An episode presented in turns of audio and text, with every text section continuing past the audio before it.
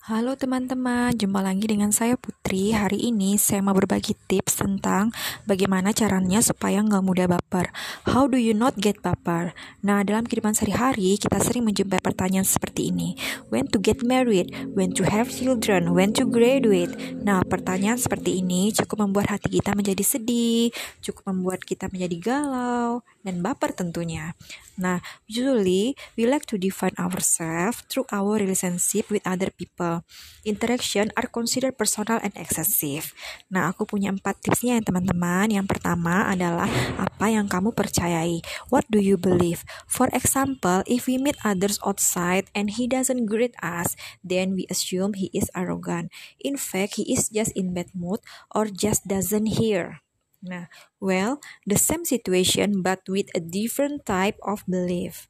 Yang kedua, teman-teman, tips yang kedua adalah stop khawatir apa yang orang lain pikirkan tentang kamu. Ya, stop worrying about what other people think about you. The more you don't care what other people say about you, the quicker you will be free. Don't caring what they think and don't thinking that they care. Nah, it doesn't matter what other people think of you, but what matters more is what you say about yourself and the people who love you. Dan kita ada tips yang ketiganya teman-teman, yaitu determine your own value if it might really be you, you have a chance to improve it because your identity is not determined by others.